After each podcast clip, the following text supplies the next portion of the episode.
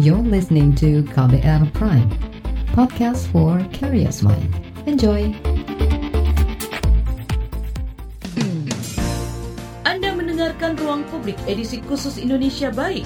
Bersama kita jadikan Indonesia baik.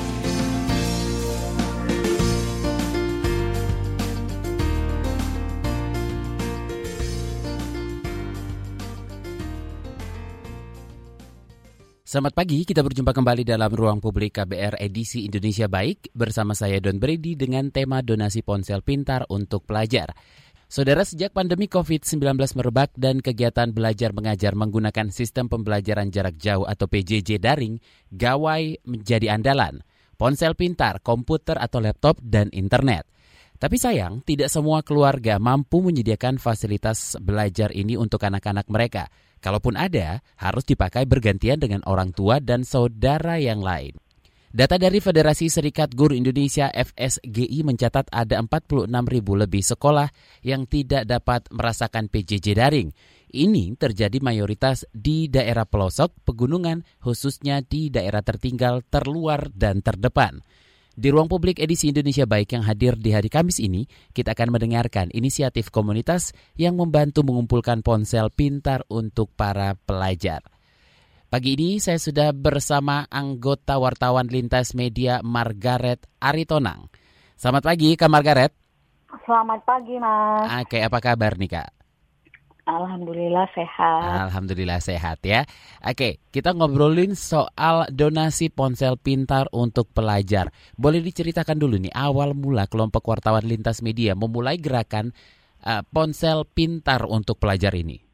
Um, sebenarnya ini tuh udah cukup lama ya Mas ya. Uh, ketika kami mulai bersama itu tidak langsung uh, mengumpulkan donasi uh, ponsel ponsel bekas namun layak pakai untuk membantu uh, adik-adik pelajar tetap bisa belajar dari rumah di tengah pandemi. Mm-hmm.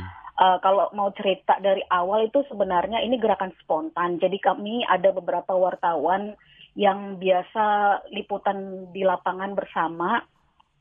Lalu di awal Maret kalau nggak salah itu awal-awal banget ada pandemi, uh, spontan aja keluar uh, ide dari beberapa teman yang bilang gimana kalau kita bikin dapur umum awalnya itu untuk uh, menyediakan makanan jadi buat orang-orang uh, yang terdampak uh, COVID gitu. Itu awal banget.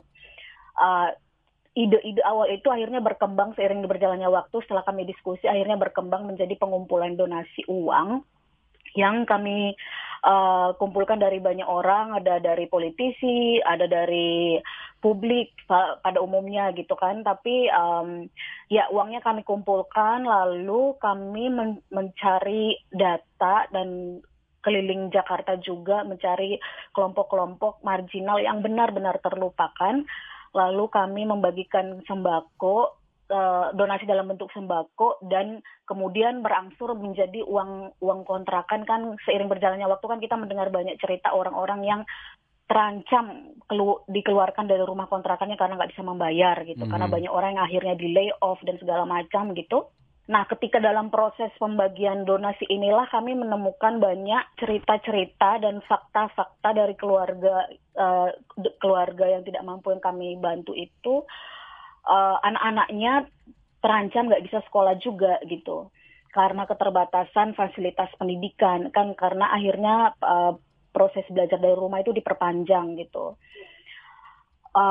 Keluarga-keluarga uh, ketika kami tadinya awalnya bertemu dengan keluarga-keluarga ini untuk membagikan sembako, untuk membagikan uang gitu, untuk membantu membayar ter, uh, uang kontrakan misalnya kami mendengar cerita karena kan kami mendengarkan mereka cerita juga gitu.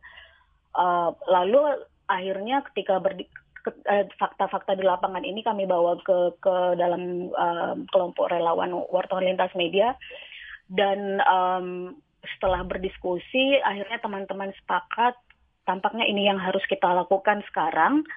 Karena memang di kemudian hari kan um, pemerintah juga mengeluarkan dana bantuan sosial itu dan ada dan semakin banyak gerakan kemanusiaan yang dilakukan oleh warga untuk uh, warga bantu warga itu loh mas membagikan sembako membagikan uh, mem membagikan uang untuk uang kontrakan dan segala macam gitu. Jadi sebenarnya uh, akhir akhirnya uh, inisiatif pengumpulan donasi ponsel bekas namun layak pakai ini berkembang karena memang ada fakta-fakta di lapangan yang kami temukan itu gitu. Dan untuk menyambut apa yang belum ada uh, dilakukan baik oleh pemerintah maupun uh, teman-teman warga yang lain gitu.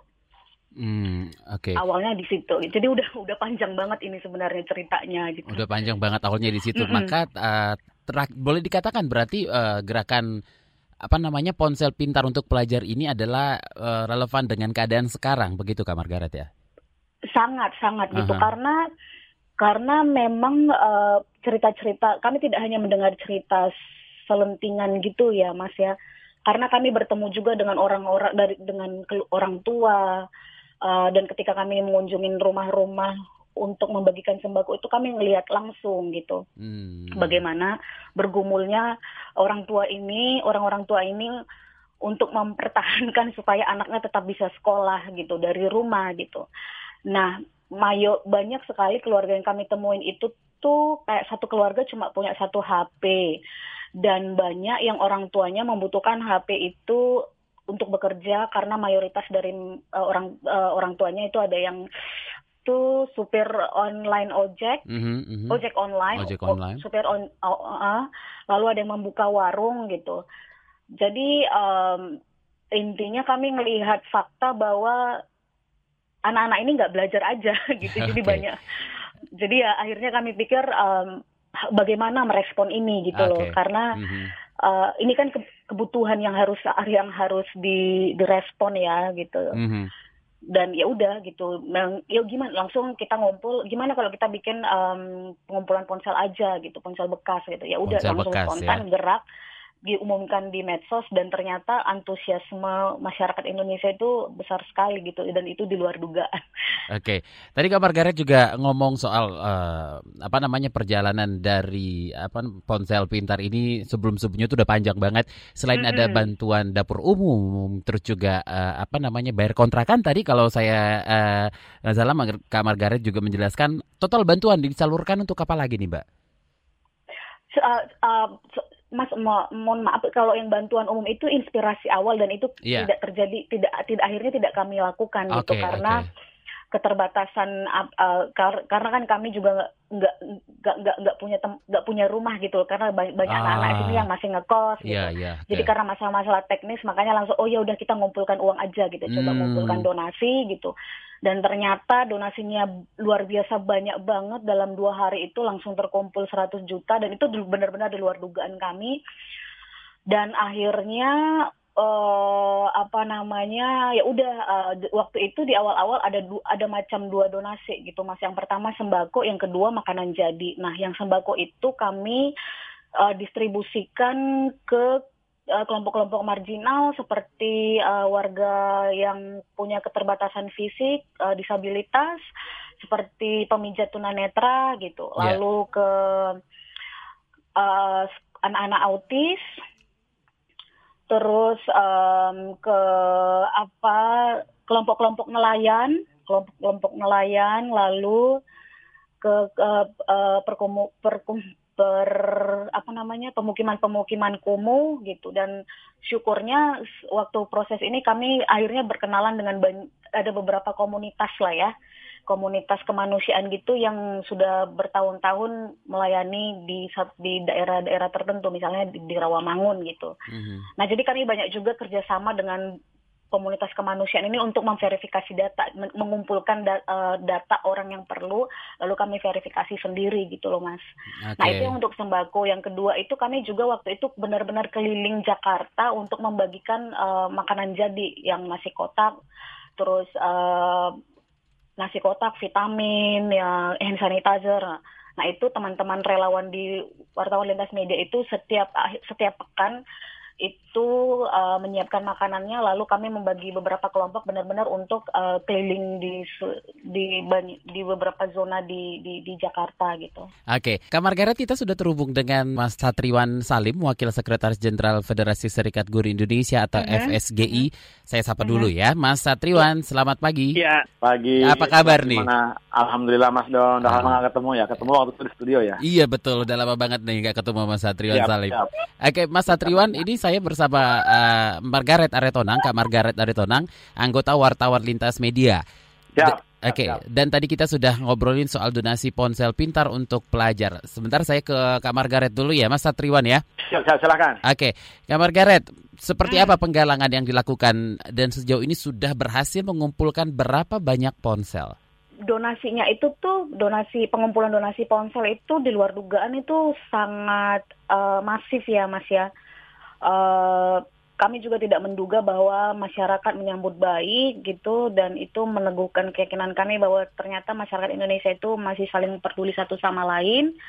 Nah, untuk uh, jumlahnya itu per hari Sabtu kemarin karena hari Sabtu kami sudah unboxing semua yang udah ada, itu ada 88 ponsel per hari Sabtu kemarin ya, tapi okay. uh, eh, sejak Sabtu itu masih ada terus yang datang gitu, nah, dan itu belum kami belum kami cek gitu.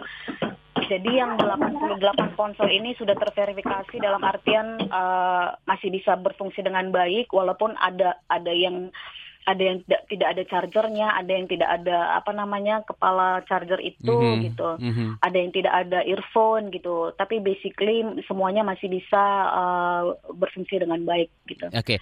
Dari mana saja sumbangan ini datang kak? Dan kalau ini kriterianya seperti apa? Apa tadi udah sempat disinggung juga sama Kak Margaret ada yang charger mm -hmm. udah nggak kelihatan atau uh, charger yang nggak kelihatan gitu. Gimana nih kriteria-kriteria ponsel yang bisa disumbangkan nih?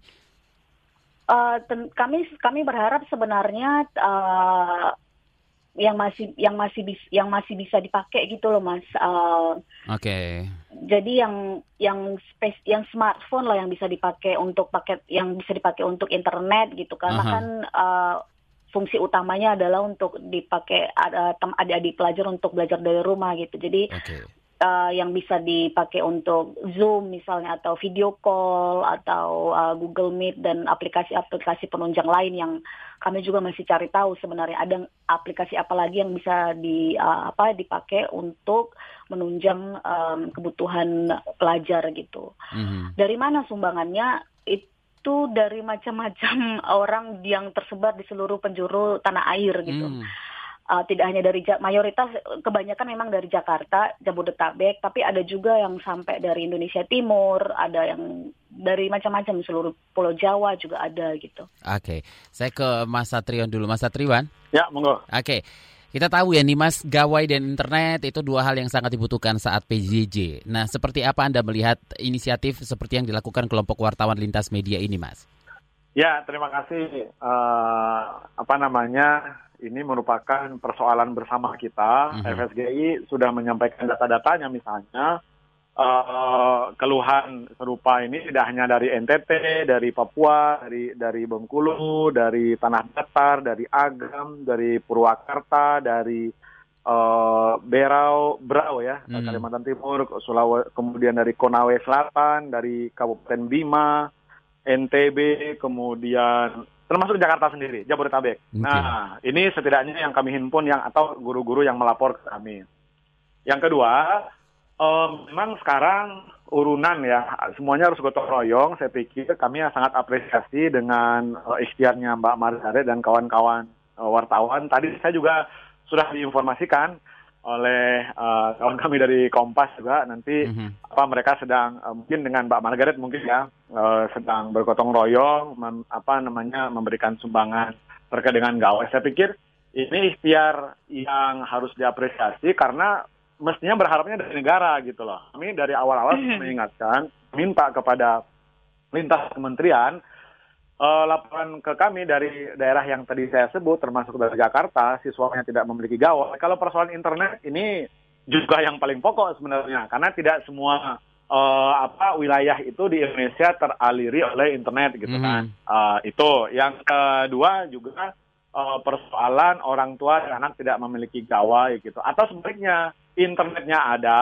ya kan kayak di Jakarta nih atau Jabodetabek, tapi gawainya nggak punya, ya kan? Mm-hmm. Saya tadi baru saja uh, dapat info dari uh, misalnya uh, seorang tua gitu ya di, di Rawamangun, Jawa Timur, uh, beliau bekerja sebagai uh, pengangkut sampah yang non formal, tidak punya gawai juga gitu kan anaknya, hingga ya anaknya menangis gitu anak SMP ya di Jakarta Timur Uh, karena teman-temannya di kelas umumnya pakai gawai gitu. Dia tidak. Nah, alhasil apa yang dilakukan ya pakai gawai orang tuanya. Jadi bertiga mereka. Satu gawai dipakai bertiga. Oke. Bahkan berempat ya. Ayahnya, ibunya, anaknya SMP, kemudian anaknya yang SD. Ya, ini di Jawa Timur nanti boleh juga Mbak Margaret uh, ini saya gitu kalau butuh datanya. Kalau Termasuk betul yang- data ya. Ah, termasuk yang daerah tadi Mbak Margaret yang di Agam, di Tanah Datar ya, Sumatera Barat, kemudian di Bima, di Bima itu Kabupaten Bima ya, eh, jaringan serikat guru di sana, eh, Bang Eka dan kawan-kawan sama, bahkan ini 99% katanya Mbak. Jadi Oke. nggak ada gawai, kemudian maksudnya di sekolah beliau ya gitu, yang saya tahu di sekolah beliau di SMK negeri itu di eh, Kecamatan Palibelo, Kabupaten Bima, NTB itu tidak punya gawai dan ya seperti biasa jaringan eh, listrik apa jaringan internet juga eh, empot-empotan gitu. Kadang ada Hmm. kadang nggak. Tapi kalau di balai-balai desa relatif ada. Kami juga sudah konfirmasi ke Menkominfo kalau di balai desa atau kantor-kantor desa di Indonesia itu rata-rata sudah bisa dialiri oleh eh, internet. Nah, sehingga kami meminta justru kepada Pemda dan kepada pemerintah itu pusat menjadikan eh, balai desa atau kantor-kantor desa sebagai sentra pembelajaran PJJ bagi yang nggak punya gawai, ya kan? Nah, di desa-desa belajar gitu, komputer lab, komputer labnya disediakan oleh desa, eh, kan ada dana desa. Kemudian saya juga membaca eh, apa namanya di peraturan Menteri Desa itu, eh, eh, Men PDT ya, eh, de- Menteri apa daerah tertinggal dan desa itu Oke. Eh, kalau tidak salah, ya nomornya Permendes nomor peraturan Menteri Desa nomor 11 tahun 2019 tentang prioritas penggunaan dana desa tahun 2020. Intinya bisa desa mengalokasikan ya kan dana desa itu untuk membantu siswa PJJ. Nah ini mestinya yang perlu inisiatif dari para kepala desa, kepala kampung, kepala nagari, ya kan? Hmm. Eh, sesuai dengan satuan-satuan eh, masyarakat lokal di daerahnya karena anggaran desa itu kan miliaran setiap eh, tahun dan saya dapat info dari ketua komisi 10 dana desa juga diambil dari eh, dana pendidikan yang 20%. Artinya anak-anak kita, guru-guru kita di daerah-daerah itu juga punya hak ya um, menikmati dana desa membantu PJJ itu.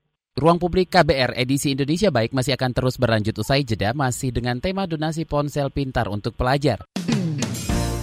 Anda mendengarkan Ruang Publik edisi khusus Indonesia Baik. Bersama kita jadikan Indonesia baik.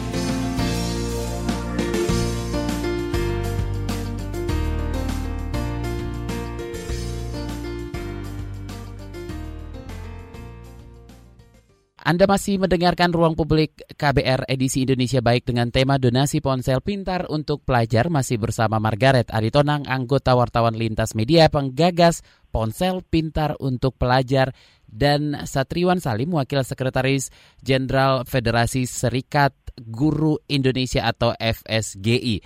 Oke, tadi sebelum break saya masih ada satu pertanyaan lagi untuk Mas Satriwan. Mas Satriwan, Ya. Tadi sudah sempat dijelaskan juga ada gawai eh, tapi internetnya nggak ada atau listriknya nggak ada.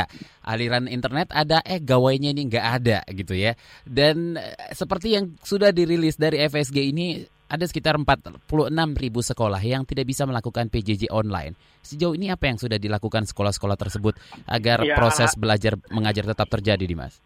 Ya, terima kasih Mas Hmm. Yang dilakukan oleh kawan-kawan guru dalam keadaan yang serba terbatas secara daring atau online, ya mau tidak mau pembelajaran jarak jauhnya yaitu eh, yang disebut dengan PJJ luring itu luar jaringan dengan metode guru kunjung ke rumah. Hmm, oke. Guru kunjung ke rumah misalnya dilakukan oleh eh, kawan-kawan kami di Serikat Guru di NTT ya, misalnya di kabupaten juga ketika guru-guru berkunjung gitu ke rumah siswa, itu anak-anaknya tidak ada di rumah, ya kan?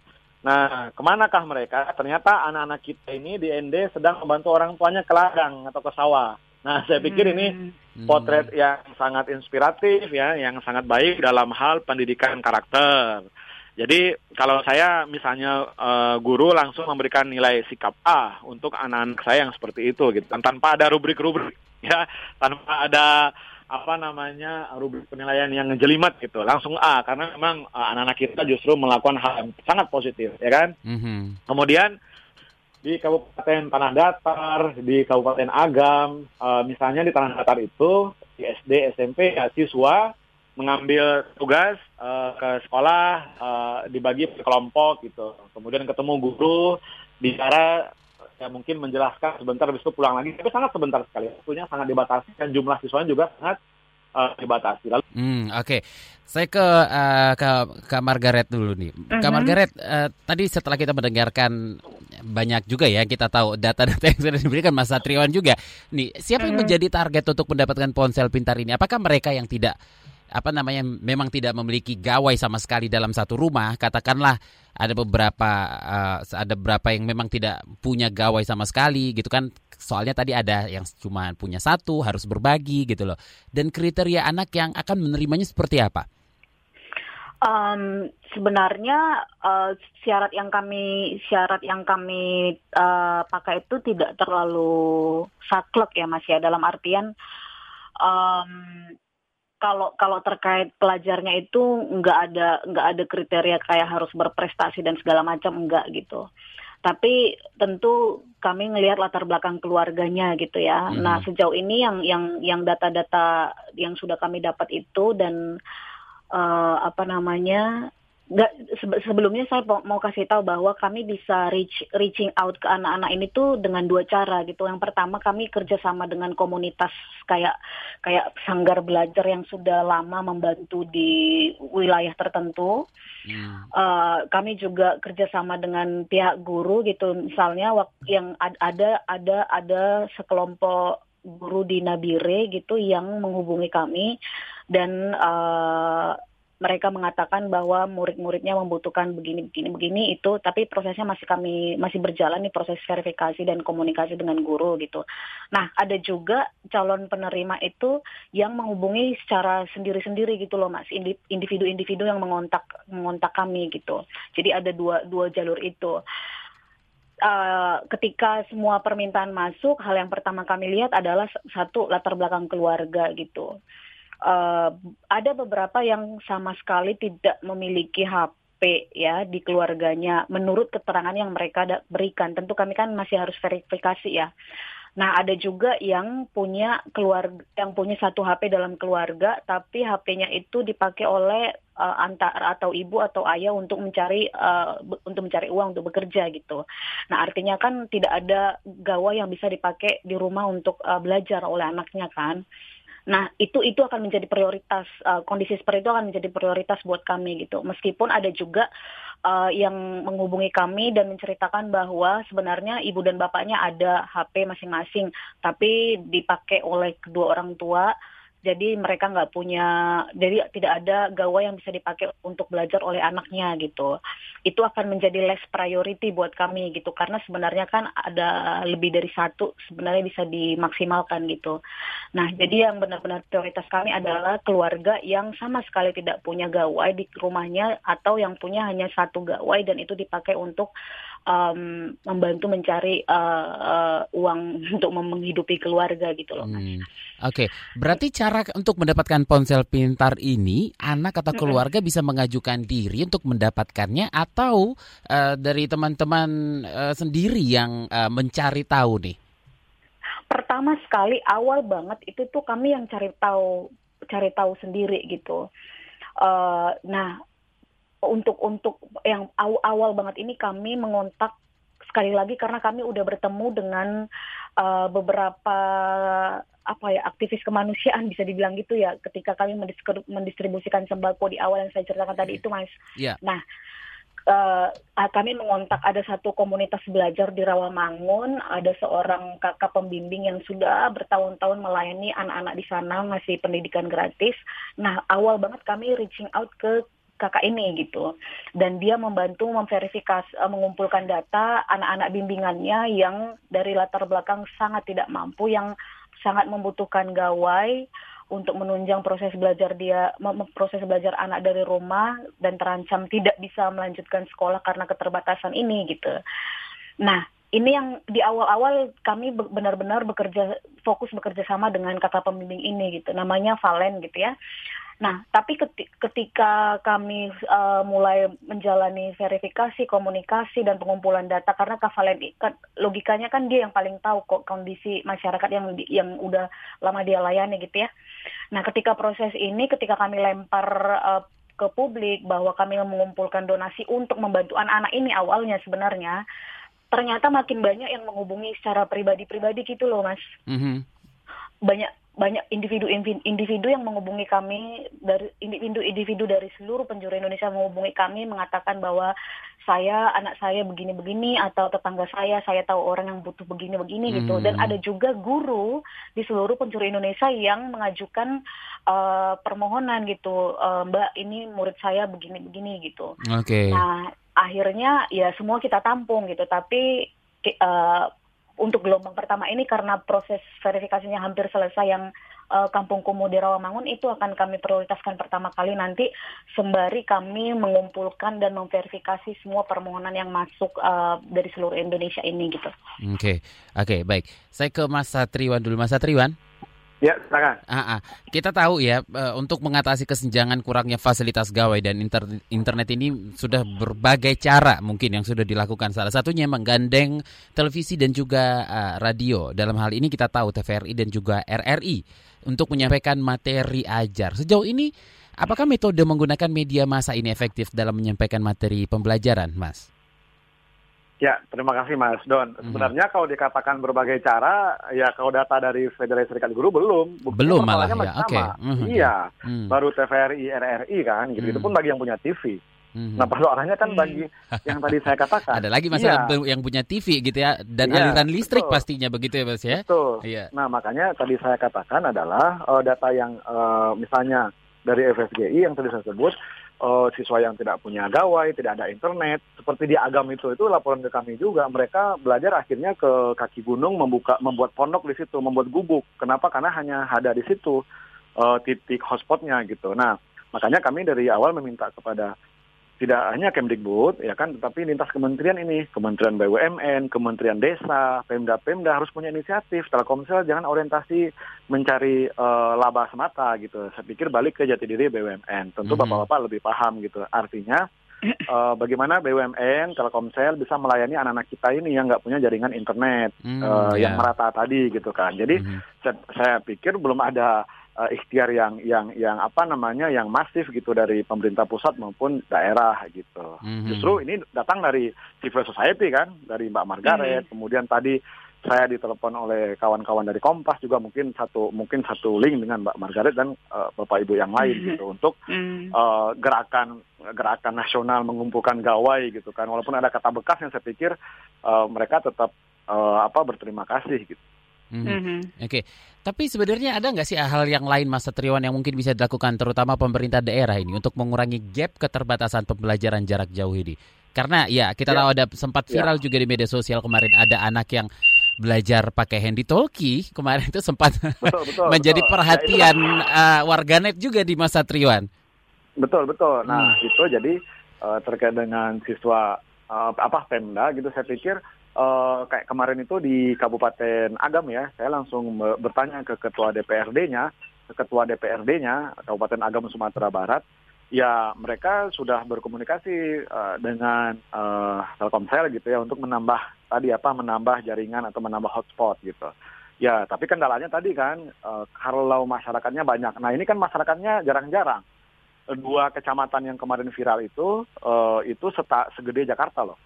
Nah, hmm. dua kecamatan sebanding dengan uh, satu provinsi DKI yang jumlah penduduknya itu rumahnya jarang-jarang. Ya tentu secara bisnis nggak masuk gitu kan dalam hal uh, perusahaan Telkomsel. Tapi saya pikir orientasinya sekarang uh, bagaimana melayani anak negeri. Nah, inisiatif-inisiatif itu muncul misalnya dari Pemda ya kan membuat radio-radio jari apa radio komunitas bisa ya. dimanfaatkan yeah. juga radio-radio lokal gitu. Nah, semuanya ini bagi kami leading sektornya ada di Kementerian Pendidikan. Gitu loh. Hmm. Gitu loh. Kita akan jeda sejenak dan ruang publik KBR edisi Indonesia Baik akan kembali usai jeda iklan berikut ini. Anda mendengarkan ruang publik edisi khusus Indonesia Baik. Bersama kita jadikan Indonesia baik.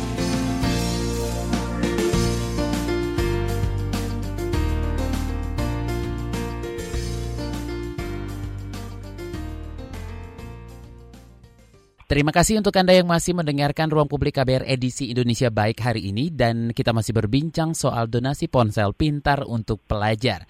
Selain ketersediaan gawai yang gak kalah penting adalah pendampingan orang tua pada saat anak belajar di rumah. Karena terbatasnya komunikasi antara pelajar dan guru. Dan kita tahu tidak semua orang tua bisa melakukannya.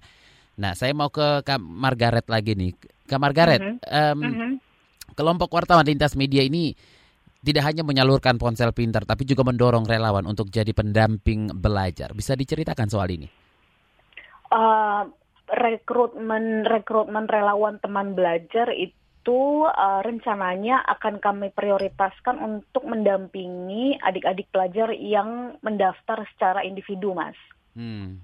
Karena kami tidak bisa bekerja sama dengan guru atau komunitas uh, belajar yang ada yang mereka kenal gitu. Jadi ini diprioritaskan untuk uh, adik-adik yang menghubungi kami secara pribadi-pribadi begitu.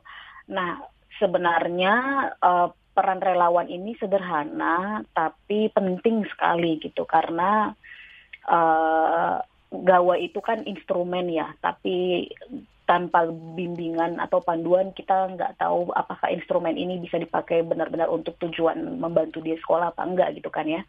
Jadi yang pertama-tama itu nanti uh, rencananya nih ya, karena kami juga masih terus membuka re, uh, rekrutmen dan masih menseleksi eh, kandidat-kandidat teman belajar ini, karena kami juga sangat hati-hati gitu loh, mas, karena ini kan berurusan dengan anak-anak ya. Mm-hmm.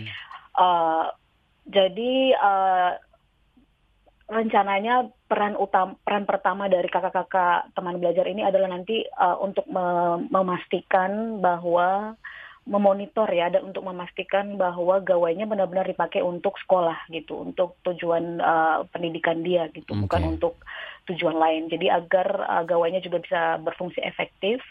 Kedua, uh, sebagai teman aja, benar-benar kayak teman atau kakak adik sendiri begitu. Karena dalam situasi pandemi seperti ini, ketika kita tidak bisa ke mana-mana gitu, kita kita yang dewasa aja kadang stres ya dengan situasi apalagi adik-adik pelajar yang dari keluarga tidak mampu mm -hmm.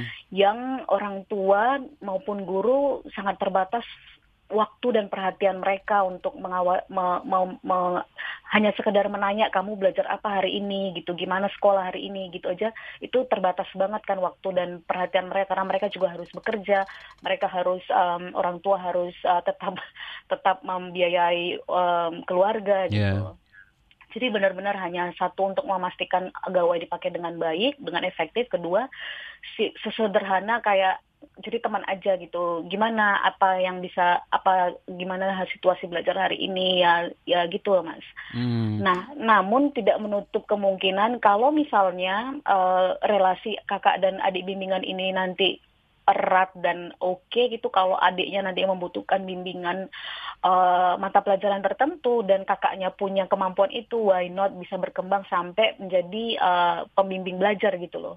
Tapi itu tidak kami tidak kami highlight supaya tidak uh, apa namanya ya calon-calon uh, kandidat nih kandidat teman belajar ini tidak tidak mundur duluan gitu loh. Karena kan nggak semua orang bisa karena banyak yang mengontak saya dan bilang kak tapi saya nggak bisa membimbing adik untuk membimbing uh, pelajar untuk mata pelajaran sekolah gitu itu hanya bonus lah kalau kalau dia bisa dan kalau ada kebutuhan itu dari uh, adik-adik uh, bimbingannya gitu. Tapi yang paling penting adalah memastikan bahwa gawai dipakai dengan efektif, mengontak secara berkala supaya adik-adik ini juga punya seperti punya teman gitu loh mas, hmm. bahwa um, simply bahwa mereka tidak tidak tidak sendiri kalau mereka butuh orang untuk diajak ngobrol untuk mengecek apa pun silahkan gitu ada teman di ada teman yang selalu ada buat mereka. Okay. Sesederhana itu sih. Sesederhana itu. Itunya. Jadi bisa dibilang ini fungsi utamanya ya lebih hanya untuk sebagai teman belajar seperti itu Benar, ya. teman belajar. Uh, ya gimana kayak kita ngecek adik sendiri lah. Gitu iya, kan. oke. Okay kan analoginya kalau ada teman membawa hadiah gitu kepada kita, kita kan senang banget. Apa, bukan semata-mata karena hadiahnya, tapi karena kehadiran teman itu juga. Betul. Apalagi mungkin adik-adik kita ini uh, lebih nyaman uh, bertanya atau belajar bersama teman uh, daripada orang tua mungkin sekarang. Benar, benar. Yang benar orang tua sekarang sudah pusing dengan keadaan, terus juga harus bekerja, juga harus uh, menemani anak uh, apa namanya belajar lagi. Apalagi saat ini di mana orang tua mulai bekerja juga. Anak-anak yang tetap belajar di rumah tentu menghadapi persoalan lain karena nggak ada orang tua yang mendampingi mereka saat PJJ. Mungkin ke Mas Satriwan dulu nih, Mas. Seperti apa eh, pengamatan Anda soal ini? Apa solusi yang bisa dilakukan terutama oleh orang tua yang terpaksa meninggalkan anak pada pengasuh atau bahkan sendirian di rumah? Ya, eh, ini memang relatif menjadi potret di uh, kelas menengah ya, ya. Uh, atas gitu, atau uh, apa perkotaan lah, uh, urban gitu. Kalau di kampung-kampung, justru yang tadi saya katakan, uh, misalnya di NT apa di ND kemudian tadi uh, di di Agam Tanah Datar itu justru anak-anak membantu orang tua ketika PJJ gitu kan. Mm-hmm. Jadi praktis mereka uh, belajarnya itu ya pas malam itu pun lewat pesan misalnya ke tetangga gitu. Nanti mohon uh, dituliskan dari gurunya misalnya mohon baca buku uh, halaman sekian okay. uh, lalu uh, okay. kerjakan gitu kan misalnya. Hmm. Kemudian dia simpen ke uh, tetangganya kemudian nanti menyampaikan ketika anak-anak ini sudah pulang dari ladang. Nah, saya pikir justru anak-anak ini bersama orang tuanya ke ladang kan. Nah, hmm. akhirnya terdampingi gitu. Walaupun dalam hal materi pembelajaran dia tidak tidak dapat gitu. Hmm. Tapi kalau di perkotaan memang uh, ya apa fenomenanya seperti tadi orang tuanya sudah bekerja, sudah masuk kantor, anaknya uh, sendiri di rumah gitu kan apalagi tidak ada uh, asisten rumah tangga ini kan persoalan. Tetapi saya pikir kalau untuk SMA relatif lebih bisa mandiri ya ketimbang yeah, SD. Betul. Atau SMP, hmm. termasuk PAUD gitu. Nah, uh, ya eh, eh, PAUD dan dan SD lah yang yang paling butuh uh, pendampingan itu. Makanya uh, komunikasi dengan uh, wali kelas saya pikir menjadi kunci saat ini. Kalau guru yeah. uh, uh, tidak bisa lah langsung inline ke ke orang tua murid karena guru mengajar banyak kelas dan ratusan siswa. Tapi kalau wali kelas kan dia punya punya uh, hubungan kedekatan dan punya grup-grup juga kan dengan orang tua atau dengan anak-anak. Saya pikir mm-hmm. komunikasi itu ya karena memang sekarang tidak bisa ideal gitu. Uh, mm-hmm. Yang saya katakan tadi di Jakarta secara materi dapat ya kan misalnya atau di kota-kota besar materi dapat belajarnya daring internet relatif ada. Tapi kalau di mhm. daerah-daerah yang tadi saya sebut di ND, di Agam, di Tanah Datar gitu yang dua kecamatan setara Jakarta itu gitu ya Nah itu uh, mereka relatif uh, pendidikan karakternya dapat, ya kan? Orang tua mereka justru membantu orang tua ke ladang, ke sawah gitu kan selama PJJ. Tapi dari sisi materi tidak uh, terlalu interaktif dengan guru kan, karena interaksinya hanya lewat tetangga atau dikala mereka lagi ada di rumah gitu. Yeah. Mm-hmm. Nah jadi memang ada macam-macam uh, kelemahan atau makanya kami tadi mengusulkan menjadikan balai-balai desa sebagai sentra pembelajaran itu kan bagi yang tadi uh, kondisi di uh, daerah tadi. Kalau yang di perkotaan ya tentu komunikasi saya saya wali kelas ya, saya guru, guru organik ya. Uh, eh, SMA gitu ya tetap berkomunikasi dengan orang tua itu ya setiap hari ya bukan hampir setiap hari lagi setiap hari misalnya ada anak yang nggak masuk online uh, bu tolong dicek Ananda lagi apa padahal ibunya lagi uh, kerja gitu ya ya pak dan pak saya cek dulu ke rumah ya gitu jadi nah itu itu potret di di kota-kota lah gitu Hmm. hmm. Ya, oke. Okay. Hmm, Kak Margaret mau menambahkan mungkin? Uh, kami uh, saya ingin menekankan juga yeah. sih mas sebenarnya meskipun ada peran relawan teman belajar ini tapi tidak tidak bisa kita apa peran peran orang tua dan guru itu tetap guru. utama gitu loh karena bagaimanapun kita harus kerjasama dengan orang tua kan mereka yang lebih tahu anaknya gitu ini hanya kayak pelengkap pelengkap tapi penting juga karena ya seperti dengan teman lah lebih lebih apa namanya kadang-kadang dengan teman lebih terbuka gitu yeah. ya mm-hmm. Dan lebih enak uh, komunikasinya gitu. Karena sejauh ini relawan-relawan yang udah meng, apa namanya mengatakan ingin bergabung dan tertarik itu uh, muda-muda banget gitu. Kayak anak-anak milenial gitu yang karena kami kami juga kan meminta mereka mengasih CV member, mengumpulkan CV dan kayak uh, karangan singkat gitu. Menurut mereka pendidikan gimana tantangan apa kenapa mereka mau membantu siapa mereka yang gitu-gitu loh mas. Jadi um, Iya sih, jadi bagaimanapun tetap kami akan kerjasama dengan uh, orang tua dan uh, wali kelas gitu. Kita akan jeda sejenak dan ruang publik KBR edisi Indonesia Baik akan kembali usai jeda iklan berikut ini. Anda mendengarkan ruang publik edisi khusus Indonesia Baik. Bersama kita jadikan Indonesia baik.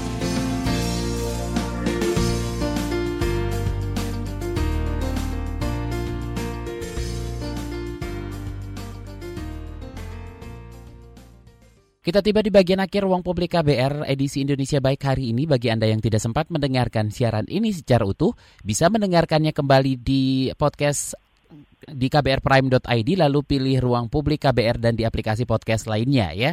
Pagi ini kita masih membahas berbincang soal donasi ponsel pintar untuk pelajar. Saya masih bersama Margaret Aretonang, anggota wartawan lintas media, dan Satriwan Salim, Wakil Sekretaris Jenderal Federasi Serikat Guru Indonesia atau FSGI. Oke, Kak Margaret, penjelasan hmm. lagi nih bagi para pendengar yang ingin ikut berdonasi ponsel pintar mungkin untuk pelajar ini, caranya seperti apa?